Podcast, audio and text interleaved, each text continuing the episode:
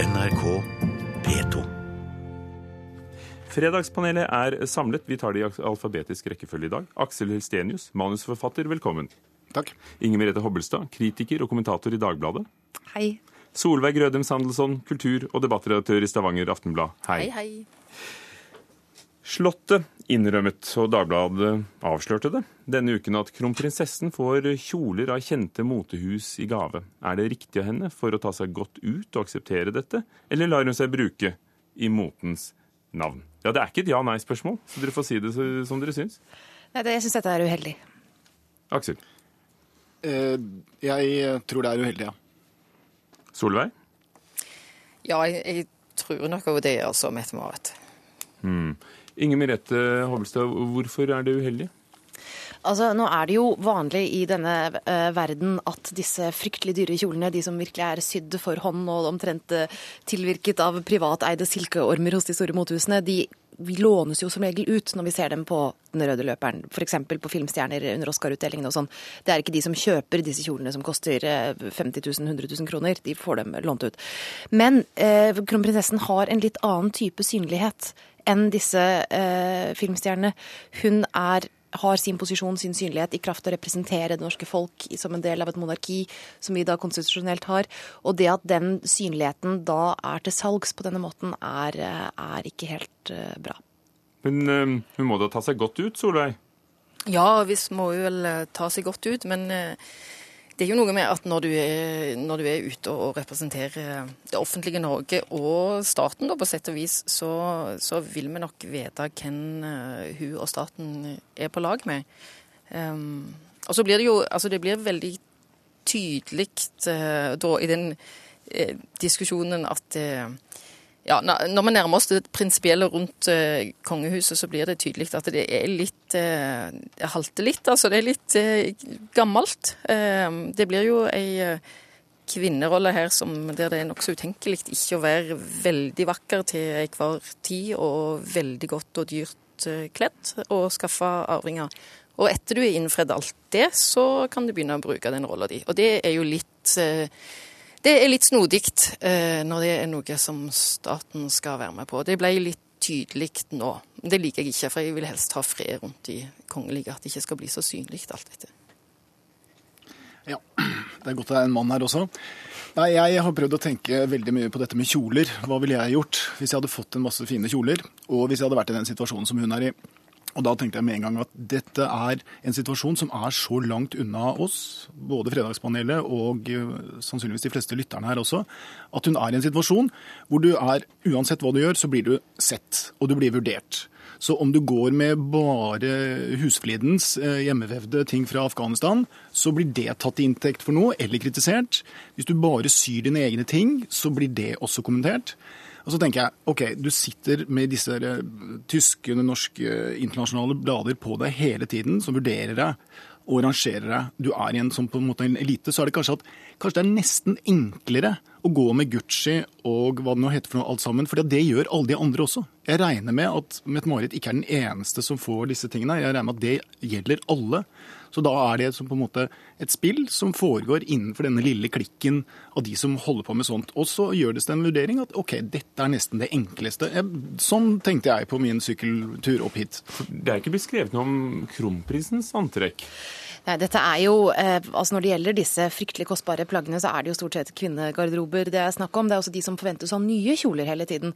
Eh, og det er jo verdt å bemerke her også at eh, kronprinsessen er jo sånn sett i en nesten umulig situasjon. Det er umulig å balansere dette slik at alle blir fornøyd. Eh, da, tilbake i 2001, rett før hun giftet seg, så eh, bemerket jo VG de laget en sak om at hun hadde brukt samme kjole to ganger, og laget en spørreundersøkelse på nett hvor de spurte leserne sine om dette var greit.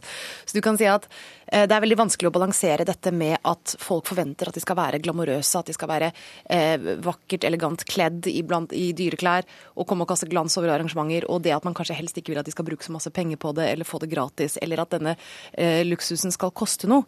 Så det er en vanskelig linedans, men jeg tenker likevel at eh, en kvinne som har, som har et såpass privilegert liv, eh, som har såpass mye penger å rutte med, eh, trenger ikke å binde seg til f.eks. Valentino eller Pucci på den måten. Hun trenger heller ikke haute couture for hvert eneste bryllup hun skal i. Altså, det går an å bruke mer norsk design, det går an å gjøre litt mer gjenbruk. Du kan unngå denne situasjonen, tror jeg. Solveig, tror du ikke at dine forventninger om nøkternhet ikke nødvendigvis er de samme som verdenspressen har, eller et internasjonalt publikum som hun også henvender seg til?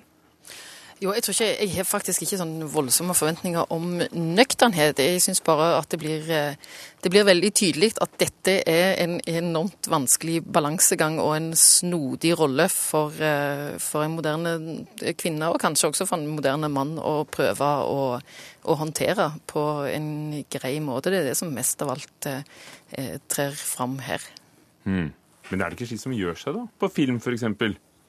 Ja, jeg har jo da gått den røde løperen, og jeg har sett disse her. Og jeg må si at det, det var mange som tok seg veldig godt ut. Og jeg blir jo glad jeg, når jeg hører at de har lånt de fleste av disse eh, kostymene. Mm. Men jeg skjønner jo at når du er filmstjerne, så, så forventes det noe. Vi skal nemlig snakke om film. Uh, å forlate prinsessen, for med drahjelp av både Brad Pitt og Supermann, så er altså hver fjerde kinobillett som selges i Norge nå, til en 3D-film. Uh, det er for mange, mente en filmkritiker vi snakket med her denne uken. Uh, formatet tilfører sjelden noe ekstra, sa han. Men kinoene og filmskaperne tjener jo mye mer. Spørsmålet er tilfører 3D virkelig en ekstra dimensjon i filmen, Solveig? Ja. Inger Merete. Nei. Aksel Restenius. Ja. Det gjør det. Du er jo aktiv i disse dager og legger siste hånd på verket på ditt manus til Beatles etter Saabye Christensens eh, roman. Det, blir, det, blir, det blir ikke 3D. Men du, Ser du at du hadde hatt helt andre muligheter med 3D? Ja, dette er ikke noe 3D-film. ikke sant? Det er klart at det, Man vurderer hva slags filmer som kan være 3D, og hva som ikke er 3D. Og Beatles er definitivt ikke noe 3D. Det er, ingen, det er ikke noe masse biler som kan kjøre fort, og det er ikke noe, ingen blir skutt på, og det er ikke noen skyskrapere som velter og sånt noe. så det er, man vurderer litt forskjellig. Har hun en stor amerikansk film hvor, sånn som Supermann, som jeg har sett, så det er ganske morsomt, for de regnet ut hvor mye det egentlig det kostet, disse kampene. Det kostet jo en god del. Eh, å ødelegge alt de ødelegger. Og når du får det i 3D, så får du jo selvfølgelig en vanvittig effekt. Jeg syns det er for mye, men det betyr sikkert at jeg er blitt gammel. Men jeg er også så gammel at jeg husker Sense Around. Jeg husker jeg var på Coliseum kino og så Earthquake. og Da hadde de laget, laget masse basshøyttalere uh, under setene, slik at når liksom jordskjelvet kom, så, så ristet setene. Det var selvfølgelig utrolig kult. og Det var to-tre filmer som ble laget med Sense Around. Og så var det ferdig. Alle gikk jo så det. De tjente penger. Det var blest om kinoen og blest om filmen og, og sånt noe. Så det, dette gjør man for å få opp seertallene. Det er jo nettopp det de gjør, og nettopp derfor syns jeg stort sett det ligger en eim av desperasjon over 3D eh, og all dens vesen. Eh, dette er et påfunn fra en desperat eh, bransje som har det vanskeligere enn noen gang med å trekke folk til kinosalen. Det er kommet så mange alternativer. TV-seriene gir, gir, kinofilmen konkurranse, er blitt liksom det nye kvalitetsproduktet dit det kvalitetsbevisste publikummet går. Streaming er kommet, folk har store TV-er, prosjektorer iblant, kan se ting hjemme. Det er fryktelig vanskelig å få ting inn på kinosalen. Så de må også finne på et eller annet som gjør kino til en særegen opplevelse. Og så finner de da eh, opp 3D, som eh, du gjør at de kan ta mer penger, de kan lage et sånn, sånn spectacle eh, ut av det. Men det er jo Altså effekten er, Jeg syns ikke effekten er så svimlende som herren til venstre her snakker om. Jeg synes ikke bildene får altså De får på en måte en mer dybde, men det er en mer sånn papiraktig dybde. altså Det er som om det er flere sånne flortynne lag bak hverandre, snarere enn at bildene har dybde slik virkeligheten har dybde, når vi går rundt, rundt i verden og opplever den i 3D. Eh, og det er stort sett eh, bare distraherende, og når du i tillegg betaler mer for det, så er det eh, som man sitter og knurrer litt, og det skal man jo helst ikke. Solveig? Ja, jeg, nå har jeg ikke sett verken zombiefilmen eller, eller Supermann. Jeg tror den siste jeg så i 3D, var historien om Pi, og det, det syns jeg faktisk var, var veldig fint. Um, så jeg er litt på der at uh, ja, men en, en, må jo prøve ut ny teknologi òg, da. Altså, det kan jo være at de eh, en gang ikke var så veldig gode på å bruke dialogen i lydfilmen med det samme den kom. Eh, men så ser jeg jo samtidig da den desperasjonen etter å, etter å tjene penger her. Men jeg, altså, jeg har ikke lyst til å legge 3D-en helt død her. Mm. Aksel Østenius, uh, Sense Around snakket du om på Coliseum kino med brummende seter. Uh, luktefilm har det vært. Uh, ja, ja. Og likevel var det en film i, i svart-hvitt som vant Oscar for ikke lenge siden. tror du 3D drar samme veien som Sense Around og luktefilmen?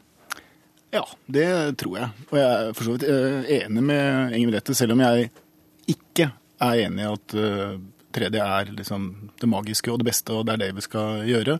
Så, er det, så sier jeg, prøver jeg å si at noen filmer passer til det, så får vi se. Og jeg, det er helt klart, altså kinoene taper for, eh, for TV-seriene. Og de er nødt til å gjøre et eller annet. Og du er nødt til å gi publikum nå Mine barn de går jo nesten ikke på kino. Hva med gode filmer? Ikke sant? Men de gidder jo ikke å se de, for de er jo på Netflix. Altså, jeg, tror jo at det Hollywood må gjøre, det er rett og slett at de må begynne å lage bedre historier. Ja. Det er jo det som kunsten som dør oppi det hele her.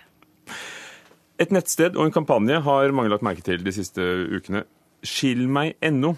de har oppfordret til skilsmisse, eh, og det de ikke sa, var at det var en erotikkvarekjede, Kondomeriet, som sto bak denne kampanjen. Og Forbrukerombudet har gitt en bot på 300 000 kroner. Eh, er dette lurt å lure folk på denne måten, Solveig?